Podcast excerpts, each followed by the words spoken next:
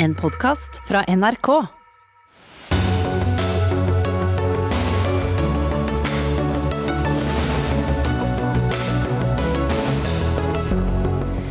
Noen danset, noen sloss, mens andre holdt seg hjemme.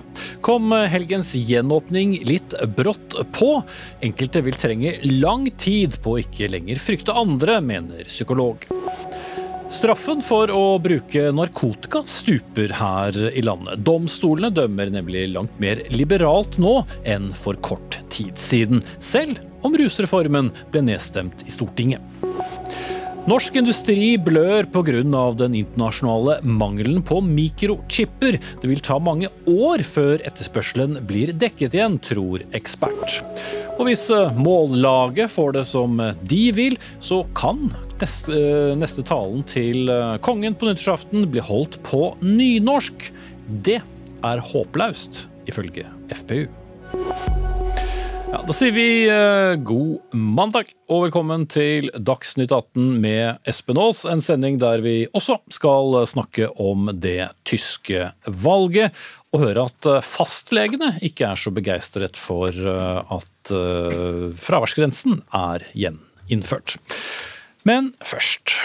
Helgens gjenåpning av Norge skjedde med brask og bram, som vi har sett bilder av. Det var klemmer, det var dans, og det var slåsskamper og mye mer. Men uansett hva man skulle foretrekke, så var Norge langt mer fysisk enn på lang, lang tid. Men ble det litt mye? Fanny Duckert, spesialist i klinisk psykologi. I halvannet år har vi jo nærmest blitt advart mot å være i nærkontakt med, med, andre, og har ikke kunnet ta på ting uten å sprite hendene. Og så, på lørdag klokka 16, så ble alt dette opphevet. Norge var gjenåpnet. Men er vi helt klare for å stå tett i tett og kjenne både lukt og, svette av hverandre? For du har vært litt opptatt av at det har vært en slags dyrking av, av både redsel og, og fantasier hos folk her. Ja, altså er vel, Norge er vel nesten litt grann i sjokk. Og det er jo det er litt sånn forskjellige elementer i det. Én ting er liksom at vi plutselig må gjentenke hva er farlig, ikke farlig. Vi har blitt nesten sånn hjernevasket nå over faktisk et par år om denne usynlige faren, og vi er detaljstyrt. Men hjernevasket, det var da kraftig? Ja, jeg tenker at den er liksom fordi det har vært så ensrettet informasjon som er systematisk blitt fòret inn i den norske befolkning, og med veldig detaljerte anvisninger og veldig klare definisjoner av hva er farlig, ikke farlig. Og det som skjer med oss når vi kommer i en sånn fase, det er at alt dette er liksom flyttet inn i den automatiserte delen av hjernen. Så når man bare tar den ut, så blir det et svært tomrom. Og vi har jo ikke skriftlige oppskrifter på hvordan vi skal oppføre oss nå. Nå skal vi bare slippe det løs. Og da blir du fort veldig sånn fomlete, usikker, og liksom hvor trygt er det egentlig? Og en del sitter nok igjen med en del sånne fantasier på denne, disse usynlige, slemme virusene som plutselig kan hoppe på oss bakfra likevel. Mm, men det var ikke helt uten grunn til at vi ble anbefalt eh, det vi ble anbefalt heller? Nei, altså det, det, var Altså hallo, dette har jo vært så vellykket og så bra gjennomført. Mens jeg som psykolog og tenker på dette ut fra et litt sånn eh, psykologisk, sosialt perspektiv, så har vi gjort noe med nordmenn. Systematisk over tid. Og så tar vi bort alt dette. Og nordmenn er jo litt sånn Egentlig er vi veldig lovlydige, vi liker veldig godt å ha ordentlige regler og vite hva er innafor, utenfor. Og det blir fort veldig skummelt når bare alle disse greiene blir tatt vekk fra oss. Mm. Helsedirektør Bjørn Gullvåg, eh, rev vi av det plasteret litt raskt? Eh, ja, det gjorde vi, men jeg tror det også var nødvendig. Det var riktig å gjøre det litt raskt. Nå gikk det jo stegvis, så vi var gjennom flere andre faser også. Og på en måte var kanskje steget fra, eh, fra det andre til det tredje trinnet vel så stort som fra det tredje til nåværende mm. trinn. Men reaksjonene var Reaksjonene var større, for, og, og, det handler jo om at da, da blir liksom alt, alt tatt bort. Eh, også avstand og, og og at vi kan Eller arrangementsstørrelse og sånt. Så jeg, jeg, jeg er faktisk enig med Fanny Duckert at vi har på en måte blitt Vi har automatisert en form for atferd som vi nå må venne oss til å gjøre annerledes igjen. Altså komme tilbake til normalen. Mm. Og så tror jeg at vi, vi, kommer til å bruke litt tid på det, og finne Og, og vi har kanskje litt forskjellig naturlig tempo i hvordan vi gjør uh, akkurat det. Mm. Og så vidt jeg husker også Under pandemien så tenkte du litt høyt på om egentlig håndhilsingen kom tilbake, og, og mange som eh, ja, jobber, jobber, med helse daglig, har vel også tenkt at kanskje er det like greit om, om vi venner oss til litt mer, mer, avstand uansett, ikke bare for korona, men for annen smitte? Ja, nå tror jeg det er grunn til å, å, å liksom tenke at mest mulig tilbake til det gamle og normale er bra. Eh, og, eh, så nå er det jo mulig å håndhilse igjen. Men her, her tenker jeg også at eh, vi kan bruke litt tid på det, for noen vil nok vegre seg litt og tenke at nå må jeg være litt forsiktig fremdeles. Og kanskje noen har grunn til det òg, fordi at de har kanskje en grunnsykdom som gjør at de kan være litt mer forsiktige, eller at de er i en risikogruppe, eller at de er uvaksinert.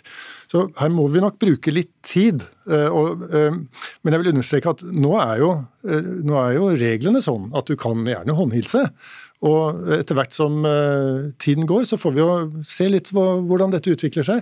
Det som, er, det som er, gledelig, da, som jeg tenker er litt av svaret til de som nå er engstelige, det er ikke vær så engstelig nå. For vi har jo også vist at hvis vi får en oppblomstring av smitte igjen, så har vi muligheten til å ta kontroll. Og med den beredskapen vi har, så vil vi ha muligheter til det også på det nivået vi var for en uke siden. Så vi, vi klarte jo liksom å, å, få kontroll også på det nivået. Det gjør man i eller det har man gjort da i kommune etter kommune. Så, mm.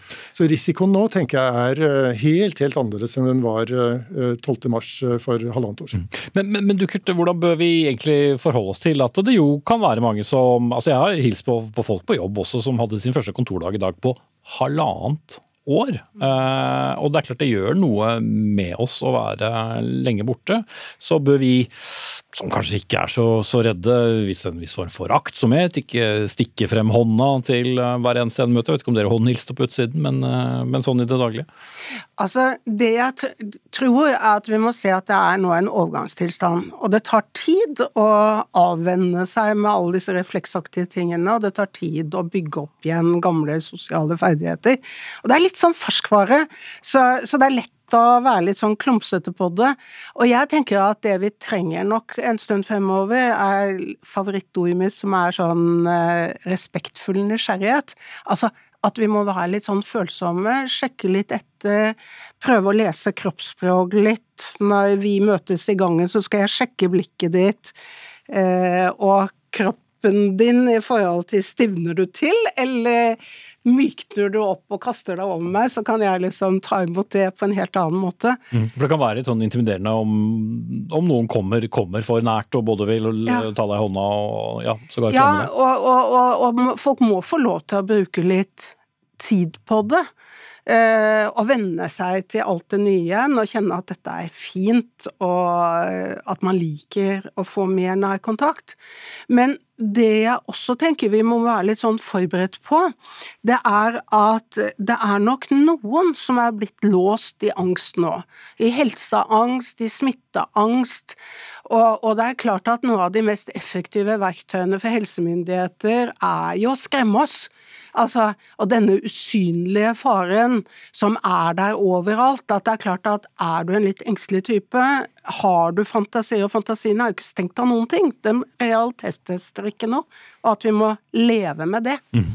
Og dere har jo vært opptatt av å, å, være hva skal jeg si, bekymret, konstant bekymret i halvannet år, eh, Gullvåg, men eh, du vil sikkert si det med god grunn? da? Uh, ja, men på, bekymret på et riktig nivå. For igjen, så jeg, jeg, skjønner jo at dette slår ulikt ut i ulike deler av befolkningen, og vi må ta vare på alle. og jeg er enig i at at for noen så trenger de kanskje hjelp for å komme ut av dette, og at det har etablert seg en form for Eh, utrygghet, angst, eh, som eh, det i dagens situasjon ikke er grunnlag for på samme måte.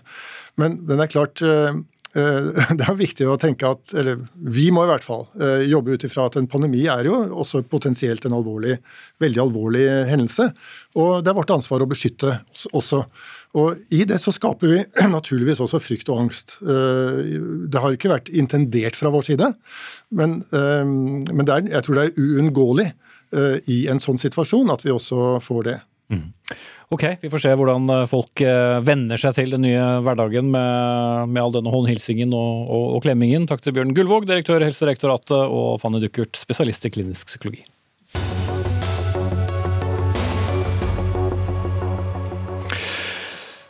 Skulle du bli tatt med narkotika på innerlommen eller ytterlommen, så risikerer du nå trolig langt lavere straff enn tidligere. Det kommer frem bl.a. i et oppslag på nettstedet Rett24, og noen har faktisk omtalt eh, det som at domstolene nå dømmer som om regjeringens forslag til rusreform hadde fått flertall, noe den jo ikke fikk, takket være Arbeiderpartiet, Senterpartiet og Fremskrittspartiet, som ikke ville gi dette forslaget flertall. Men Halvard Helle, leder i Advokatforeningens lovutvalg for strafferett og, straffeprosess, hva, er det vi ser skjer i, norske domstoler nå når det gjelder da folk som blir tatt uh, med, med, mindre mengder narkotika?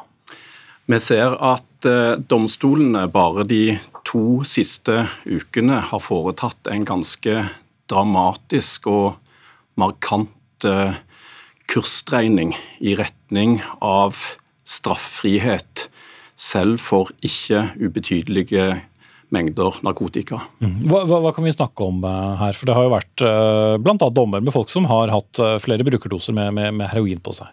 Ja, Det er to dommer fra de to siste ukene der lagmannsretten og tingretten har eh, gitt 14 dager betinget fengsel for uh, oppbevaring av ca. 5 gram heroin. Det ville for kun kort tid siden, altså forut for at regjeringens forslag til rusreform ble nedstemt i Stortinget, gitt en straff av fengsel mellom 90 og 120 dager. Mm. Det kan jo fremstå som et paradoks at uh, når den lovgivende forsamlingen stemmer ned noe, så gjør da den utøvende noe annet? Det som er interessant her, er at domstolene reagerte lynraskt da rusreformen ble stemt ned. Det skjedde jo i juni. Allerede 2. juli sendte Høyesteretts ankeutvalg ut et signal til lagmannsretten om at de måtte tenke seg om på ny da de ga ubetinget eh, fengsel for, eh, til en sliten rusmisbruker som var tatt med fire gram heroin og bruk av kokain. Nå kom, kom, den dommen tilbake, og han fikk altså 14 dager betinget fengsel. Mm. Altså en dramatisk endring, der vi ser at det kanskje er slik at domstolene rydder opp i det rotet som politikerne skapte da, da Arbeiderpartiet, Senterpartiet og Fremskrittspartiet stemte ned forslaget til rusreform. Så skal det jo sies eh, til dere som hører eller ser på der hjemme, at vi i flere dager faktisk har forsøkt å få noen fra Arbeiderpartiet, Fremskrittspartiet eller Senterpartiet til å, kommentere nettopp dette, men det har vist seg ganske vanskelig. Jeg vet ikke hva du tenker rundt akkurat det, Helle? Det kan ha sammenheng med noe av det som gikk galt i oppløpet til rusreformen, nemlig at dette kom opp for Stortinget eh, like før oppkjøringen til valgkampen. Og Nå ser vi altså at denne kursomleggingen i domstolene skjer parallelt med regjeringssonderingene oppe på Hurdalssjøen. Der er to av partiene med støtte fra Fremskrittspartiet da imot en helhetlig og rettferdig rusreform, mens ett parti Sosialistisk Venstreparti er for, i likhet med resten av eh, stortingspartiene. Så det kan jo være en forklaring på at dette er blitt vanskelig. Men det eh, betyr ikke at man ikke bør, nå bør gjennomføre en helhetlig og rettferdig rusreform, og at det må være en veldig prioritert oppgave for de partier som da vil sitte i regjering til syvende og sist. Men bare da for å spole litt tilbake for de som måtte lure på det. Når, når da igjen det den lovgivende forsamling, altså Stortinget, har eh, valgt å ikke gi denne rusreformen flertall, hvordan kan da domstolene nærmest da på eget initiativ eh, igangsette en, en slags form for ja, ikke avkriminalisering da, brukerdoser? For det er, altså Man blir jo dømt, men man får jo da en betinget dom, og, og trenger således ikke å sone i fengsel. Ja, Det som ble sagt i denne avgjørelsen fra Høyesteretts ankeutvalg i sommer, var at lagmannsretten burde ha vurdert dette nøyere ut fra det de kalte det rådende synet på straff for tunge rusavhengige. Det ble ikke sagt hva de viste til ved å gjøre akkurat det, men det er naturlig å tenke seg at uh, domstolene har fanget opp at uh, et samlet storting faktisk uh, var enige om at man skulle reagere med straffrihet for tunge rusmisbrukere. Mm. Problemet med det var jo at man slik Arbeiderpartiet og Senterpartiet la opp til en forskjellsbehandling mellom de som har et alvorlig rusproblem og andre personer som blir tatt med en tilsvarende mengde narkotika på seg. Men er det da en ja, det er Kanskje ikke riktig uttrykk, men en, en, en egenrådig domstol? Hvis det er en domstol, tror jeg, som eh, Eller domstoler som har eh, sett at straff ikke virker. Og at man er nødt til å reagere på andre måter. Samtidig så kan ikke domstolene sette seg ut over lovgivers vilje, slik at Eh, ingen av disse sakene endte jo da med straffefrihet, men man la seg på den aller laveste reaksjonen som tenkes kan. Det er egentlig bare en mellomløsning. For dersom en person som er nødt til å gå ned i Brugata i Oslo sentrum for å skaffe seg heroin, stadig vekk får nye betingede dommer, vel, så må han eller hun da til syvende og sist sone disse. Og da er man like langt, eh, nemlig at man setter de aller sykeste rusmisbrukerne i fengsel framfor å tilby hjelp og behandling. Mm. Helt eh, avslutningsvis så har det jo blitt brukt som et argument eh, både fra Arbeiderpartiets justispolitiske talsperson og også av partileder Jonas Gahr Støre vist til at det er ingen i Norge i dag som soner fengsel for å ha blitt pågrepet med små mengder narkotika på lommen. Uansett, så hva er egentlig nytt? Eh, det eh, synspunktet der det hviler nok på en meget uheldig eh, misforståelse som har fått feste seg i, i valgkampen. For det Arbeiderpartiet her siktet til, det var bruk og besittelse etter legemiddelloven, altså opptil én eller to rusdoser. Mens det vi snakker om her, det er oppbevaring etter straffeloven. Og i disse to sakene med fem gram heroin, altså mellom 25 og 50 rusdoser. Og hvert eneste år, så blir, hver eneste uke, så blir mange personer dømt til eh, ubetinget fengsel i slike saker. Slik at man vil få en stor samfunnsgevinst ved å endre denne kursen, slik domstolene nå gjør. Og, og, dette vil det jo bli veldig vanskelig å reversere fra politikernes eh, side. Mm -hmm. Det blir spennende i hvert fall. Takk skal du ha, Halvard Helle, leder av Advokatforeningens straffeutvalg. Og for altså bare da gjenta at ingen eh, representanter fra de tre nevnte partier uh, kunne stille i Dagsnytt 18 på denne saken.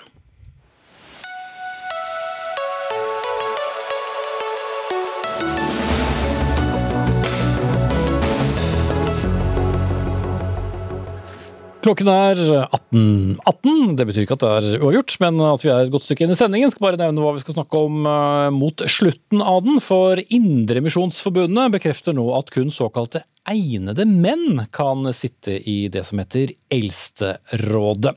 Men dette er ikke alle så enig i. Jeg tror Jesus hadde ristet på hodet, sier annet eh, et styremedlem i en forsamling som skal debattere dette senere.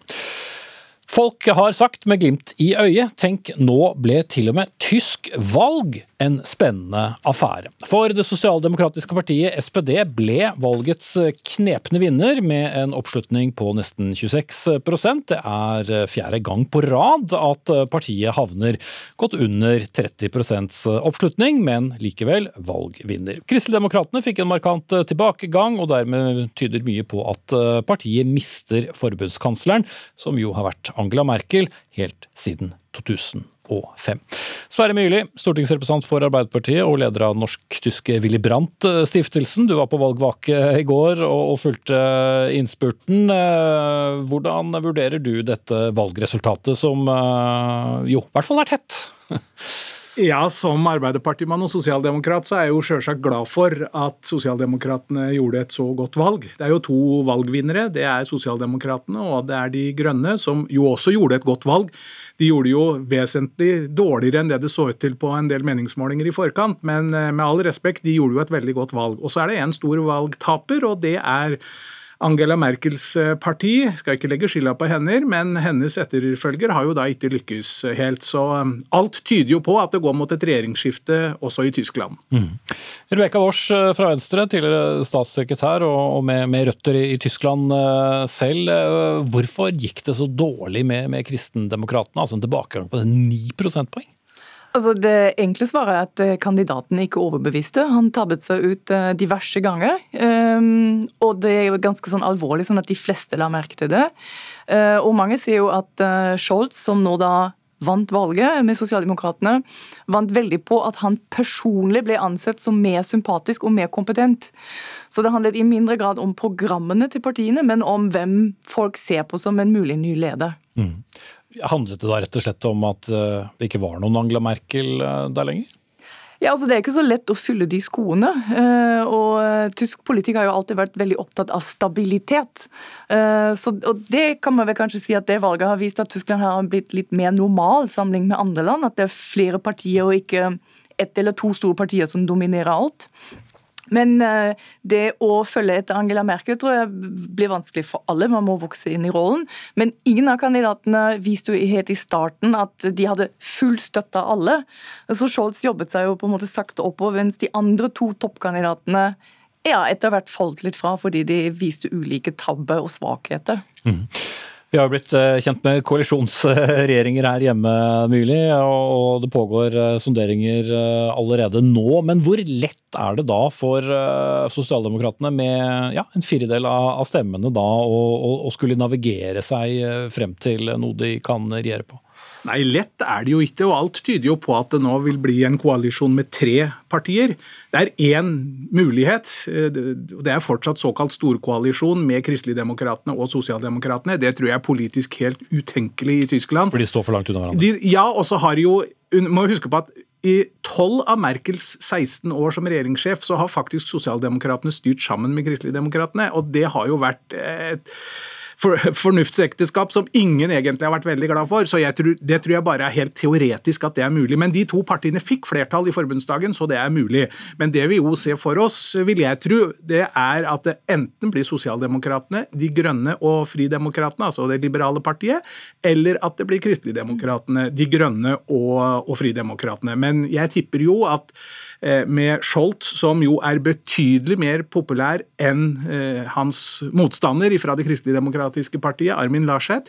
Eh, Scholz er mer populær, sosialdemokratenes kandidat, og tross alt så har sosialdemokratene gjort et godt valg, og kristeligdemokratene har gått tilbake. så jeg er rimelig sikker på at det ville være veldig oppsiktsvekkende at valgtaperen skulle danne regjering. Mm -hmm. Ja, helt, Du var veldig enig her, Vårs? Jeg er helt enig i dette. Altså, folk er lut lei den kombinasjonen som har vært. Og var det én ting som kom tydelig fram under valgkampen, at befolkningen krever en endring. En slags en ny start med, med nye folk og et nytt mannskap. Og, og, og tydeligere veivalg, kanskje? Ja, tydeligere veivalg. Altså, Tyskland har bare for å komme med to eksempler, falt veldig tilbake på to særdeles viktige områder. Det er digitalisering og Tyskland ligger altså i, undre, i nedre tredjedel i et europeisk sammenligning. Altså, jeg som pendler mye mellom Tyskland og Norge, ser jo dette i hverdagen. Hvordan mye fortsatt gjøres på papir, med faks. Om det er beredskap, helsevesenet, helt dagligdagse ting som VIPS f.eks. fins ikke i Tyskland, har de aldri hørt om.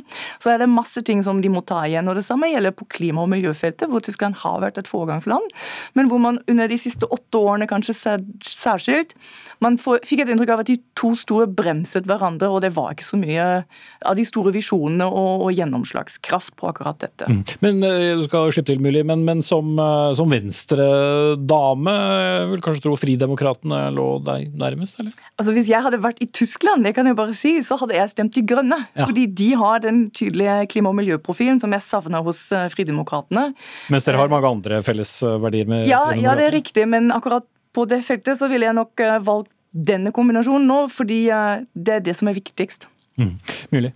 Ja, Det interessante er jo at det ble jo et klimavalg mm. i Tyskland. Men det er egentlig litt likt situasjonen i Norge. For jeg vil jo si at Jonas Gahr Støre og Olaf Scholz faktisk har ført en ganske lik valgkamp mm. i Norge og Tyskland. Og hvor jo Støre og Arbeiderpartiet har sagt at ja, vi må finne løsninger for å få med klimautslippene, men vi må også ha rettferdig fordeling og arbeidsplasser. Og det har egentlig vært akkurat det samme som Olaf Scholz har sagt. Så det ble et klimavalg, men det er jo andre partier enn bare De Grønne som også har løsninger på klimautfordringene. Og det tror jeg Scholz har eh, vunnet en del på i slutten. Må huske på at Sosialdemokratene har jo dobla seg de siste halve året. De lå helt ned på 12-13% og nå fikk de 25-26 mm. Så er det jo også litt spesielt her da, at Scholz er jo både en, noe nytt men det er jo også en videreføring av Merkel. Han har jo bevisst spilt på det i valgkampen, fordi han har jo vært finansminister og visekansler under Merkel. Så det er jo det er både en ny start, men det er også en videreføring av det trygge som han da har spilt på i valgkampen og lykkes med. Eh, og som dere begge har vært inne på, så, eller i hvert fall umulig, vi snakket om det utenfor studio, studio Bosch, så kan det ta sin tid å få, få til et, et, bærende flertall. Så hvor lenge må, må Angela Merkel eh, fortsatt eh, bevege seg rundt i kulissene og, og ta ansvar? Ja, sånn Nøyaktig er det jo ingen som vet det. Men nå var Scholz ute i dag og sa at han håpet å ha en ny regjering på plass før jul. Eh, pussig nok er det jo opp til de to mindre valgvinnerne, altså Fridemokraten og De Grønne, om å avgjøre hvem som får, blir forbundskansler til slutt. Så um, De to har jo allerede begynt å snakke sammen. Så hva de velger, blir jo til syvende og sist avgjørende for hvem som blir forbundskansler, men også hvilken farge denne koalisjonen får til slutt. Så det kan eh, dra ut, og noen sier også at det kan godt hende at eh, hun holder nyttårstalen, eh, Angela Merkel. Selv om hun egentlig er ute nå, så er hun jo ikke det i praksis ennå. Mm. Vi får se og hvordan tyskerne liker å leve med denne usikkerheten. Takk til Rebekka Wors fra Venstre og Sverre Myrli fra Arbeiderpartiet.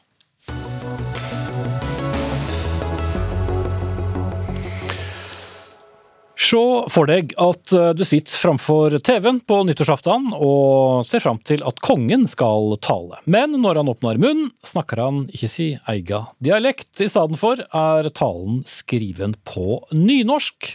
Hadde det ødelagt kvelden din. Slik eh, kan iallfall neste nyttårstale bli om Norges Mållag får det som de vil. De vil nemlig at 25% av tallene til kongen skal skrives på nynorsk. Og Peder Lofnes Hauge, jeg skal spare deg for mer nynorsk nå, men eh, du er da leder fra Mållaget. Hvorfor skal kongen pålegges å snakke i en eh, annen språkform enn den han bruker til vanlig?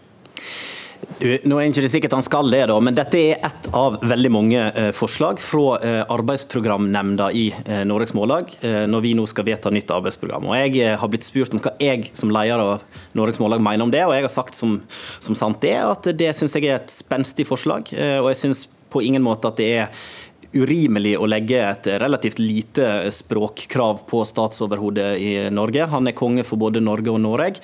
Eh, han er eh, ikke bare en privatperson, han er en representant for eh, en nasjonal offentlig institusjon for hele landet. og Da bør han også ta i bruk hele den norske språkskatten. Begeistringen var ikke så stor hos dere i Fremskrittspartiets Ungdom, Andreas Brandstrøm. Men samtidig, kongen har jo ikke religionsfrihet. Skal han da ha språkfrihet? Nei, og Det viser jo at eh, allerede i dag så bestemmer politikerne og andre mye over eh, kongen, men det er tydeligvis ikke nok for eh, Mållaget. De vil også bestemme hvilket språk han skal bruke. Og Det mener jeg egentlig rett og slett er et meningsløst forslag. og Jeg syns egentlig det er litt tullete at vi skal sitte her og diskutere hvilket språk kongen skal tale på. Det mener jeg at han må bestemme helt selv. Altså Kongen skal få lov til å bruke det språket som han bruker i, i, hverdagen. Og jeg opplever at de aller fleste i Norge forstår eh, både nynorsk og bokmål, og at eh, ja, man forstår hverandre godt. og Da ser jeg egentlig ikke helt poenget heller. Og jeg tenker at... Men det er jo to sidestilte former, da? Ja, eh, men eh, hvis eh, Mållaget skulle få gjennomslag for dette forslaget, så tror jeg ikke det tar veldig lang tid før Sametinget krever at kongen skal tale på samisk også, eller hva med bergensk eller trøndersk. Jeg syns at vi må verdsette valgfriheten og ha respekt for den, den dialekta og det språket som kongen bruker. Mm. Men Hauge, nynorsk og, og, bokmål er det jo i utgangspunktet da ingen som, som snakker, kanskje tidvis her i, i NRK. da. Er det da så naturlig at en konge skal ta en nyttårstale som for så vidt blir, blir lest, da, men, men, likevel er en muntlig fremføring? Den blir jo lest, og jeg tror vi må rydde litt her. for det, det, er klart at det er ingen som har tatt til orde for at verken kong Harald eller noen andre borgere i Norge eh, ikke lenger skal få lov til å snakke dialekta si. Men kongen han leser i dag opp bokmålstekster eh, med sin egen dialekt og sin egen språklige særpreg og klangbunn. Så det, altså, det, er ingen som har tatt til orde for at han ikke skal få snakke dialekta si. Eh, men det er klart at eh, kongehuset eh, er en stor institusjon, en enorm tekstprodusent. Eh, produserer mange pressemeldinger, større og mindre taler i løpet av et år. Og jeg tenker at det, Å be kongehuset skrive noen av de hundrevis av talene kongefamilien holder i løpet av et år, det er i alle fall et mindre inngripen enn å ta ifra dem organisasjonsfriheten og religionsfriheten. Brandstrøm. Altså, jeg mener at vi må slutte å tvinge folk på et språk de ikke bruker ellers. Og så syns jeg dette forslaget er bare ett i rekken av mange fra Mållaget som går ut på nettopp det. Allerede i dag så vet jeg at elever blir tvunget til å lære seg et eh, sidemål de sannsynligvis aldri vil få bruk for. Og så tror jeg også De aller fleste i Norge syns det er helt uproblematisk at kongen eh, bruker det språket som han bruker. Men Tror du ikke du ville begeistret? da? Det er jo mange hundre tusen som, som bruker nynorsk som sin uh, skriftform. Kanskje jeg tror egentlig folk egentlig er ganske likegyldige til det. Eh, jeg tror de er komfortable med at eh, kongen bruker det språket som han faktisk bruker. De aller fleste forstår det, og de syns kanskje tvert imot vil være veldig rart at kongen skal tale på en dialekt som han ikke bruker, som ikke er naturlig for han. Det har jeg også sett det er veldig mange som reagerer på. Men det aller viktigste for meg er at vi som politikere politikere eller som interesseorganisasjon ikke skal legge oss opp i hvilket språk eller dialekt kongen skal bruke. Han må bruke det språket som eh, han bruker, og det handler både om valgfrihet og at vi ikke skal tvinge, uh, tvinge okay. folk på et eh, bevisst Da, da har du gjentatt det flere ganger. Uh, Hauge, hvor stor uh, begeistring ville noe sånt uh, skapt, da? Samtidig som sikkert mange ville tenkt at dette, dette var unaturlig?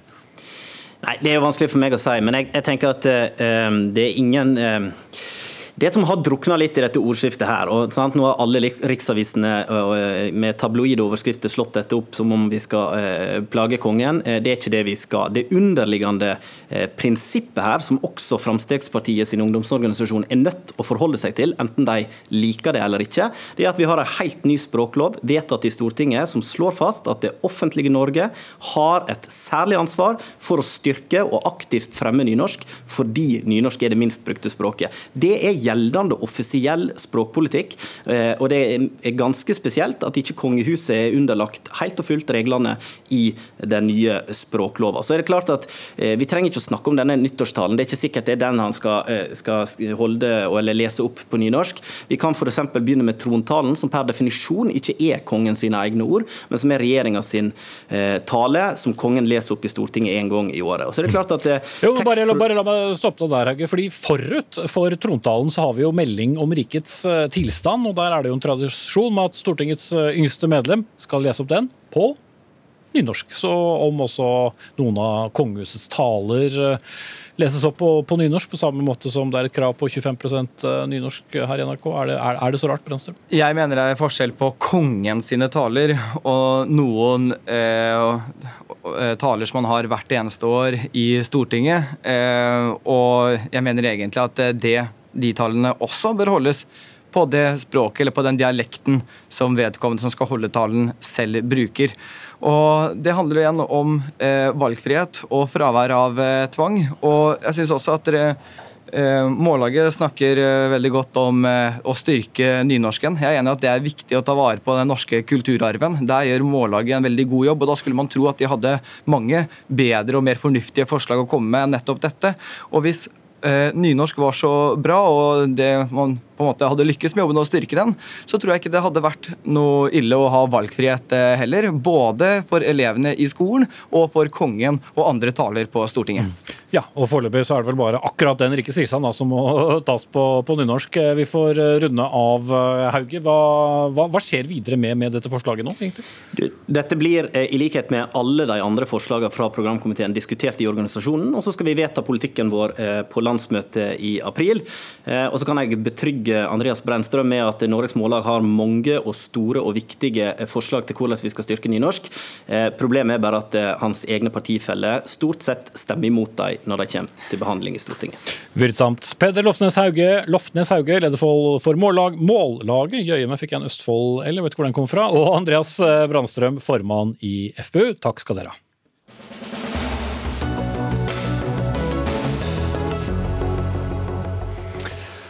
Den eh, globale mangelen på mikrochipper skaper nå stadig større trøbbel også her i Norge. For alt fra biler til elektronikkvarer som f.eks. små hodetelefoner forsinkes kraftig fordi det er vanskelig å få produsert nok av disse svært avanserte bitte små mikrochipene til å møte den store etterspørselen. I dagens eh, utgave av Dagens Næringsliv eksempel, kan vi lese om at det bl.a. fører til permitteringer av ansatte som produserer bildeler på Raufoss på Toten. Men før vi uh, dykker inn i de norske forholdene, så må vi se litt på hva som skjer. og Da henvender jeg meg til Bergen og deg, Johan eh, Alme, førsteamanuensis uh, i mikroelektronikk ved Institutt for fysikk og teknologi på Universitetet i, i Bergen. Disse knøttsmå brikkene har altså blitt utrolig viktig i veldig mange varer. Men hvorfor er det så vanskelig å få tak i dem?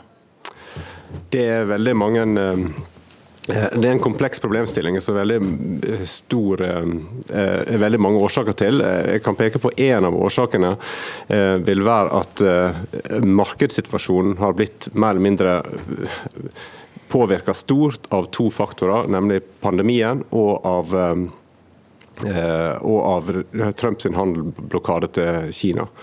Pandemien virka på den måten at alle skulle ha eh, eh, elektronikk til hjemmekontorene og hjemmeferiene, og hva nå enn de skulle ha elektronikken til hjemme. og Det skapte en kjempestor etterspørsel som ikke var forventa. Trumps handelsblokade førte i enkelt forklart til at eh, Kina de kjøpte opp veldig mange komponenter for å ha på lager til å bygge sine produkter, som igjen gjorde at det ble en mangel. Andre ting som påvirker det, vil være f.eks. det at det å lage mikrochipper er utrolig kompleks industri. Det er veldig vanskelig. Det er en slags ordtak i industrien som sier at eh, det er ikke akkurat eh, raketteknologi, det er mye, mye vanskeligere enn det. Og det stemmer nok. Det er små ting som skal lages. Så det er ikke fort gjort å få opp en produksjonslinje, det er ikke fort gjort å bygge nye fabrikker. Det er ikke fort gjort å få kvalifisert personale til det her. Mm. Knut eh, Sunde, du er direktør for bransje- og industripolitikk eh, i, i, Norsk Industri, og du er sitert i denne saken i Dagens Næringsliv i dag, som da altså bl.a. handler om Bentler Automotive på, på, på Raufoss. Altså, hvor prekær er denne situasjonen da for oss her i Norge? Det slår ikke så hardt inn i Norge foreløpig i industrien, men det er klart at bilindustrien er en av verdens største industrigrener. Og bilene har jo gått fra å være mye stål til å være mye elektronikk. Altså I gamle dager så var sidespeilet og dekket noe som var sidespeil og dekk. Nå styres de med sensorer og, og kretskort og det hele. sånn at det er en veldig meretterspørsel etter disse kretskortene som nå er manko på i bilindustrien. Mm, så, liksom, så, så, lenge man er en del i næringskjeden, øh, og så lenge sluttproduktet ikke kan ferdigproduseres, så, så blir det en slags dominoeffekt bakover? Ja, og så har vi en liten, men veldig essensiell bildelindustri i Norge. Vi har en 20-30 bedrifter som leverer litt større og mindre volumer til, til bilindustrien, og de er da veldig usikre på om de har jobb i morgen, samtidig som det er veldig stor etterspørsel etter biler. Men de altså det er mye usikkerhet rundt produksjonen av biler. og Dermed er det en del sånn varsel om permitteringer. Ikke, det er ikke blitt så mange permitterte, men det er mye varsel og det er mye usikkerhet. og Det tror jeg bare vi må leve med en god stund fremover. Mm. Unnskyld. Og Alme, da jeg snakket med deg tidligere i dag, så sa du at det kommer til å ta mange år før vi får dekket opp for den etterspørselen igjen. Ja, jeg ser at Elon Musk er litt uenig. Han mener det er short term, men Elon Musk er en del av bilindustrien. som For bilindustrien sin del så kan hende det komme en løsning fortere, fordi at disse mikrochipene er veldig forskjellige. Så De mikrochipene som bilindustrien trenger, de har man satt i gang produksjonslinje på. Men andre mikrochipper er ikke i den eh, gaten der. Så de estimatene jeg har sett, eh, er vært tyder på at det er, kan gå fram til 2023 før det her er, begynner se, vi begynner å se slutten på det. Mm. Og det er forskjellig, bare for å uh, understreke det du sier der, så, så, er det helt forskjellige produksjonslinjer da, uh, for om du trenger mikrochipper til bil, eller om dette skal til hodetelefoner eller mobiltelefoner, eller hva det skal til. Ja, det er klart Noen komponenter vil være felles, men mange vil også være forskjellige. Så det er klart at det er Forskjellige marked har forskjellige behov. Og Det som, eh, altså, det, man, lager, man, lager, ting til de behovene de er skapt for, for å si det sånn. Mm. I stor grad. Sunde, dette er jo ting som er veldig vanskelig å rå over, da, hvis man f.eks. produserer bildeler. For årsakene her er jo veldig sammensatt, som Alme bl.a. Var, var inne på. Så kan man egentlig gjøre noe annet enn å forsøke å være tålmodig? Nei, så lenge summen av etterspørsel er enorm og forbrukerelektronikken har eksplodert gjennom pandemien, som Alme sier, og, og, fortsetter i etterkant også, med hjemmekontor og, og mye vil ha mer. Og bilindustrien vil ha mer, og så er det veldig vanskelig å få satt opp nye fabrikker med disse mikrochipsene. Så dette tar tid, men jeg, jeg har vel kanskje mer tro på kapitalismen enn Alme, på at uh, tunge aktører ser at her er det mye penger å hente og greier å snu seg litt rundt. men det er ikke sånn som med tømmerprisene som gikk rett opp og rett ned igjen. Dette tar tid, og det kommer til å plage oss forbrukere når vi skal ha PC og mobiltelefoner. Plage industrien gjennom de store verdikjedene. Og så er det tema på Biden og de andres bord, fordi det slår inn i forsvarsindustri med masse elektronikk. Så her er det, dette har alle fasetter. Og det kan også bli prisdrivende. Det er prisdrivende og forsinkende og mye kaos, og et herlig kaos. Ja, fordi Alme, altså Råvarene til disse mikrochipene er ikke så vanskelig å få i gang, men hovedproblemet er altså rett og slett å få, satt det i produksjon. Og det er ikke bare bare å sette i gang en, en produksjon heller. Nei, altså nå vil både Biden i USA og EU vil satse på å øke chipproduksjonen i Europa og USA. For nå er det sånn at 80% av chipproduksjonen foregår i Sørøst-Asia, og det har man sett i pandemien er veldig sårbart. Og Spesielt når man driver med sånne handelsblokader, og sånne ting, så er det veldig uheldig. Men det, vil, det å sette i gang en chipproduksjon, det Altså, det, tar, det, tar, to år å bygge en fabrikk omtrent. og eh, Intel har lagt ut 20 eh, milliarder dollar for å sette opp en ny fabrikk i, i USA. Og, som, og, og, Det er ikke bare bare å øke produksjonen heller. F.eks. Taiwan, som er en av de største chipproduserende landene i verden. Der har man hatt tørke, så klimaendringer er et problem. Sant? Og Man bruker omtrent like mye vann som, en, som Ålesund i døgnet for å, sånn, for å lage for, per fabrikk. Så det er klart, det er veldig mange ting her som er problemer. Men det er veldig mange initiativ og det er veldig mange ting som skjer. Så at, at det blir løst på eh, på, med tiden, det, det, vil det nok eh, gjøre. da. Mm.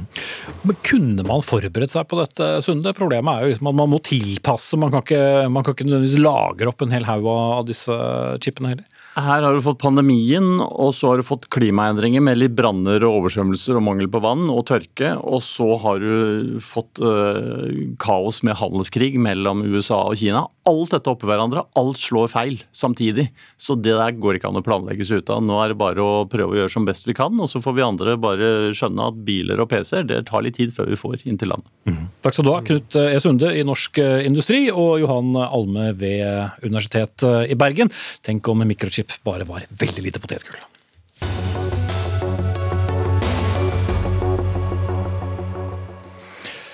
Gjenåpningen av eh, kongeriket betyr også at eh, tusenvis av skoleelever på norske videregående skoler igjen må til fastlegen for å få gyldig fraværsattest, skriver bl.a. Aftenposten om i dag. Dette samtidig som eh, de samme fastlegekontorene fortsatt har sitt å stri med når det gjelder pandemien, og også får trolig et renn av folk som får influensa. 120 000 nordmenn står i dag dag på venteliste for å få fastlege. Og Nyvalgt visepresident i Den norske legeforeningen og leder for Allmennlegeforeningen, Nils Kristian Klev.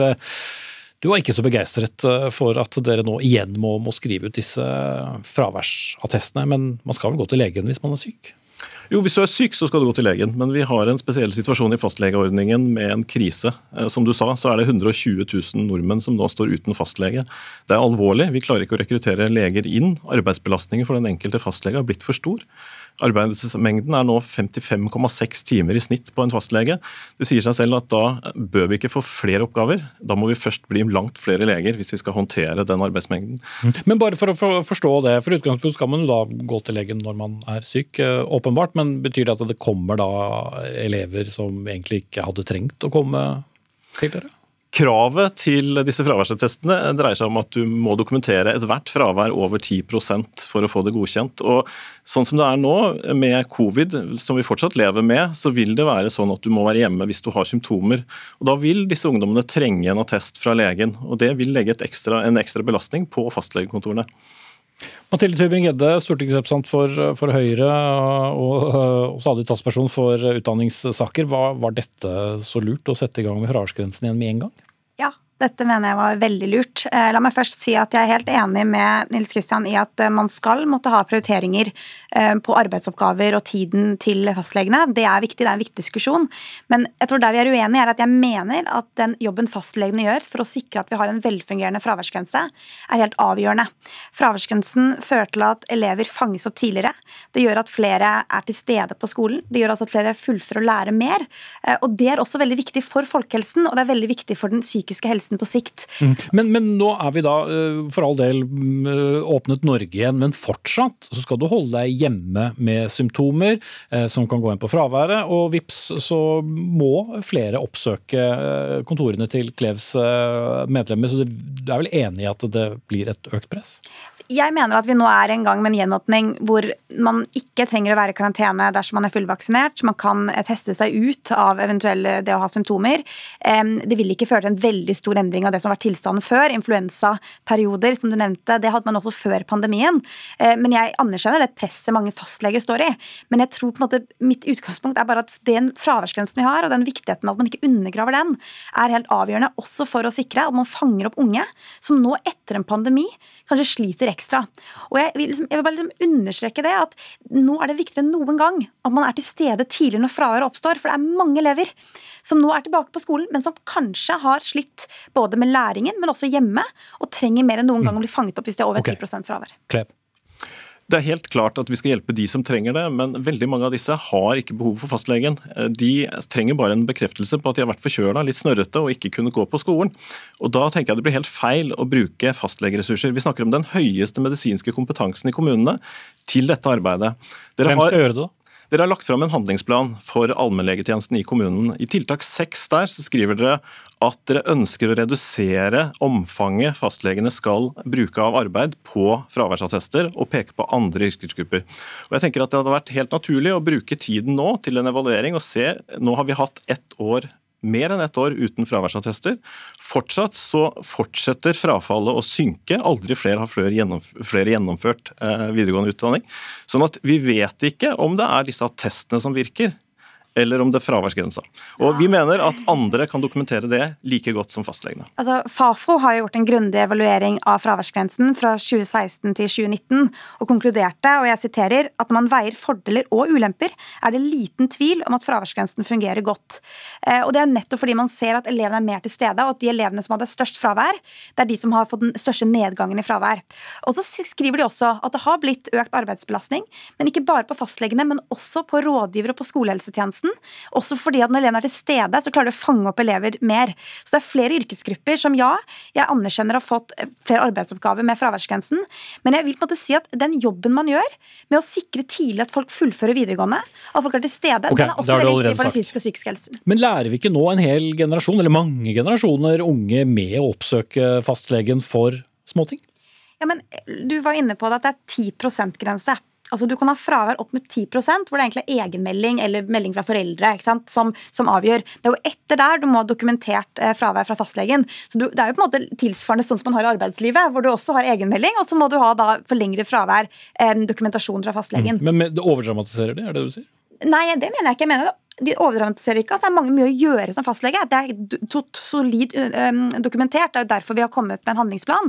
Men jeg, jeg mener bare at jeg tror man undervurderer hvor viktig fastlegene spiller inn i å opprettholde en fraværsgrense som nettopp gjør at flere er til stede på skolen. Må man velge bort andre ting hvis man skal ta imot alle ungdommene? Ja, eller utvide arbeidstiden ytterligere. og Det gjør at vi enda, får enda større problemer med å rekruttere fastleger. Eh, og Jeg mener at absolutt at vi skal være der for de som trenger det mest, men da trenger vi ikke å hjelpe alle. Dette er noe som flere kan ta. Og så er det sånn at Med en 10% fraværsgrense så er undervisningen på skoler i små fag ofte organisert i bolker, sånn at det kan være nok å være borte én dag, og så må du allikevel ha dokumentert dette fraværet. Sånn at Belastningen er stor, og vi vet at før pandemien så, før, så, så var dette her ca. 1,1 attest per lege per dag. Eh, så det er ikke noe små mengder vi snakker om, det er flere hundre årsverk hvis du skal begynne å regne på det. Og det, og det forstår jeg, Men jeg vil på en måte igjen understreke at det man ser fraværsgrensen nettopp sikrer, er at de som hadde størst fravær, men som ikke oppsøkte fastlege, faktisk gjør det i større grad. Og mange av dem har også grunner til å ha et fravær, som også fastlegen er en viktig ressurs for å kunne hjelpe dem med. Men må det alltid være fastlegen som gjør det? Kan man se for seg andre ordninger, f.eks. Med, med skolehelsetjeneste? Altså, Skolehelsetjenesten eh, er jo på en måte noe man kan se på, men det er klart helsesykepleierne selv sier at ikke, de driver ikke diagnosering på samme måte som fastlegene gjør. Eh, og at det er ingen tvil om at deres arbeidsplass arbeidsbelastning også er stor. Så, så det, det, store spørsmålet her er jo egentlig mer eh, hvordan sikrer man at de som har fravær nå etter en pandemi, kanskje sliter psykisk, fanges opp tidlig. Jeg tror ikke løsningen på det er å f.eks. ha egenmelding, som jeg vet at dere har foreslått. Det tror jeg er en dårlig idé. At nesten halvparten av videregående-elevene selv skriver egenmelding hvorfor de var borte.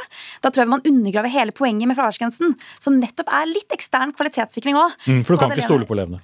Altså, jeg mener jo helt oppriktig at når fraværet har sunket 27 siden vi innførte fraværsgrensen, så er det også fordi at elever som kanskje ikke opplever at de får støtte eller stilles krav fra foreldre hjemme, at de og sliter med ulike ting, har la, la motivasjonen for å dukke opp på skolen, ikke gjør det. Så fraværsgrensa er viktig.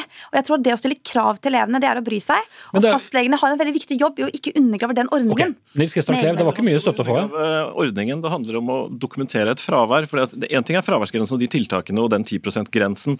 Eh, det er godt hende at det er den som har hatt størst effekt. Det sier ikke eh, Fafo-rapporten noe om. Den sier også at du har hatt et, eh, altså at det blir mindre fravær, men den sier ikke at gjennomføringsevnen har økt. Og det er også grupper altså dårlige etterspørrere av helsetjenester som har fått enda større problemer pga. fraværsgrensen, som ikke blir vurdert fordi at de klarer ikke å skaffe seg denne attesten. Og Da kan det hende at terskelen for disse er for høy allikevel, selv om det er fastlegen som er tenkt til å løse den oppgaven. Fafo så jo på fastlegenes oppgaver og konkluderte med at ja, det har blitt flere ungdommer som går til fastlegen, mest sannsynlig pga. fraværsgrensen, men at man ikke ser at det har gått ut på bekostning av andre eh, grupper. Eh, og det de også så var at helse, Fordi at elevene er til stede på skolen, faktisk er også lettere for helsesykepleierne å være tidligere ute. Og det er jo nettopp forebyggende arbeid som vi unngår at fastlegene får en veldig stor arbeidsbelastning over tid fordi at unge ikke fanges opp tidlig. Så okay. det er mer kompleks enn det som fremstilles her. Veldig kort til slutt, Tett samarbeid med helsetjenesten på skolen, altså skolehelsetjenesten. og det er kanskje der løsningen ligger på å fange opp disse elevene sammen med lærere og på den måten rapportere. og Så kan fastlegen bidra inn i tverrfaglige møter og den slags. Men at alle skal til fastlegen for å få en attest, der er vi ikke enige. Greit. Nei, nei, nei, nei, nei. Nå sa jeg at han fikk siste ord, og da betyr det det. Mathilde Tybring-Edde, stortingsrepresentant eh, for Høyre, og Nils Kristian Klev, leder for Allmennlegeforeningen. Takk skal dere ha.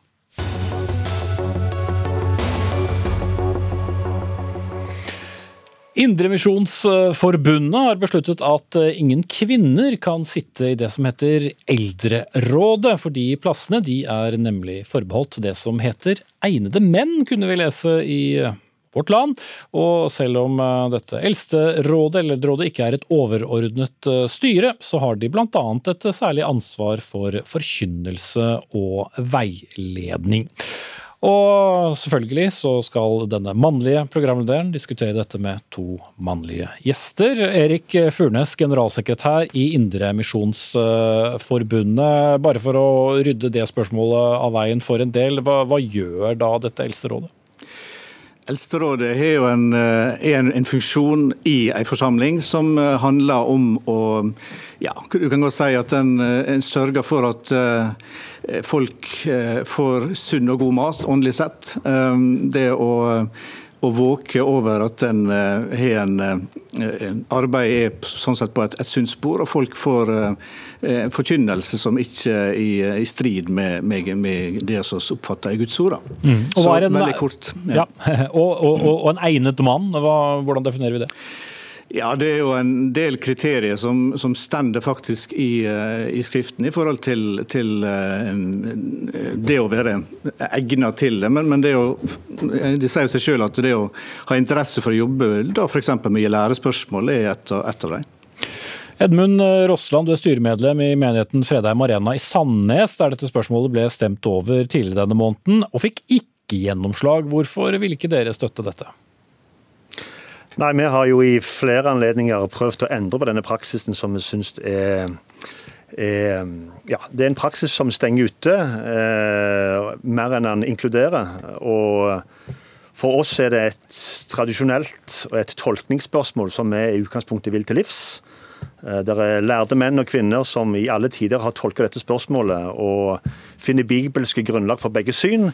Så mitt utgangspunkt er at dette her handler om tradisjon og i en kulturell kontekst. Eh, Så jeg ønsker bare å rydde i veien unødig støy og tradisjon for tradisjonens del. Ikke for å pynte brura, men for å gjøre kristendommen og det kristne fellesskapet aktuelt for mennesker som lever i i dag. Eh, Moderne mennesker.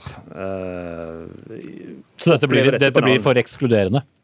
Ja, det blir for ekskluderende. Og, og, og den kristne menigheten er for folk flest. Og folk flest lever i en annen virkelighet enn det IMF eh, eh, opplever, syns jeg. Mm. Ikke Det internasjonale pengefondet, men Indremisjonsforbundet var den forkortelsen. Ja. Ja, ja.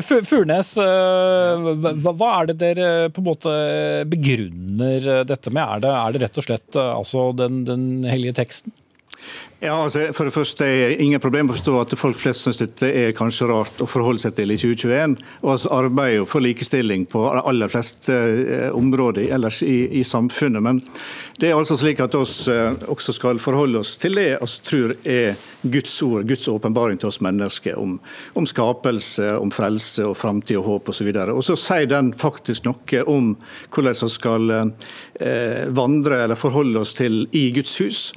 Og de fleste har kanskje eh, hørt om at det står noe i Bibelen om at kvinner skal tie forsamlingen. Eh, men det stender altså rett før at oppfordringen oppfordring til menn og kvinner til å tale profetiske forsamlinger. Så Da er det på en måte oss laga en undervisningsserie som skal prøve å hjelpe eh, våre forsamlinger til å bore litt dypt i disse tekstene. Da, eh, om hva faktisk denne funksjonen handler om eh, og ikke handler om. eh, Hva er er tidsbestemt for den tida, og hva er på en måte gjeldende for, for, gjeldende for oss også i dag. Og så har vi kommet fram til at eh, mest sannsynlig så handler dette om denne her eldstefunksjonen, eller tilsynsmenn i menighetene. Okay. Og, så det handler, ja, det handler om eh, tekstforståelse og ta Guds ord på alvor. Rossland, tar du ikke Guds ord på alvor? Spør du meg? Ja. Jo, jeg gjør det. Eh, og jeg vil gjerne referere til denne her videoen som IMF har gitt ut. Eh, konklusjonen har ikke kommet ennå, men jeg eh, mistenker jo veldig hva den handler om. Men eh, Der sier jo da i innledningen Erik Furnes at de velger å legge død den gamle diskusjonen om at dette handler om bibeltroskap. Mm. og så lenge vi legger den død, da tenker jeg Hva står vi igjen da med? Står vi igjen med tradisjon? Står vi igjen med en kulturell forståelse? Står vi igjen med unnskyld meg, men står vi igjen med litt makt og posisjoner? Jeg, jeg, jeg, sto, jeg tror prisen er så stor å betale for å ha en sånn en praksis i våre menigheter i dag, at, eh, at um, det er enormt mange i min generasjon, 45-55 som sitter på gjerdet pga. akkurat dette spørsmålet. Eh, og dette er etter mitt ved unødvendig. Ja, jeg forstår det. Samtidig så er det altså slik at oss, oss eh, heier fram eh, kvinnelige ledere i, i styr, hovedstyret vårt og i alle sammenhenger til å lede, til å bruke sine gaver som ledere, som forkynnere, til å undervise. Og si at, jeg mener å er en ganske eh, bredt spekter av menn og kvinner som, som, som faktisk utstår i lederskap i vår organisasjon. Men samtidig så skal vi altså leve med en samvittighet eh, på hva eh, faktisk Guds ord sier til oss, og som ikke er tidsbestemt, men kan lære oss noe inn i vår tid. Men, men Og- står vel ikke noe spesifikt om eldsteråd heller i, Bibelen som sådan? Gjør det det? Jo, det er faktisk det. Det står om, om det å være eldste i forsamlinga. Det står om være tilsynsmenn i en litt større perspektiv. Og det er den funksjonen oss tror fortsatt at eh, det, det, det handler om. og Derfor så har oss gitt en utfordring til våre forsamlinger. Gå inn i disse tekstene og jobb med det. Og så sier oss at eh, om en lander på en annen konklusjon enn det som vårt råd er, for oss er en organisasjon som bare kan gi råd til eh, Rosselands forsamling, så, så, så vil oss eh, likevel er oss helt enige om at vi kan ha et, et solid syn på Bibelen som Guds ord, og komme til ulike konklusjoner. Ok, Jeg må bare bryte deg kort av for jeg vil høre Rossland helt til slutt. Det har jo, dere har jo ikke fått flertall for deres syn, da. Det er jo rådende syn som uh, har vært uh, så langt. Så hvis du kan bruke ti sekunder på å svare på det. Ja, eh, og det registrerer jeg, og det respekterer jeg. Jeg har vært en del av forsamlingen i alle år, og det er derfor jeg er her. For det er viktig for meg, det er viktig for folk. Eh, For meg handler det om eh, enhet i det sentrale og frihet i det perifere. Dette er det perifert. Dette holder folk utenfor. Dette her demotiverer og av avmagnetisere okay. folks eh, Det var de tilmålte til sekundet, er redd, for sendingen er ved veis ende. Gro Arneberg var ansvarlig for innholdet, Helge Svensson for det tekniske. Jeg heter Espen Aas. På gjensyn i morgen.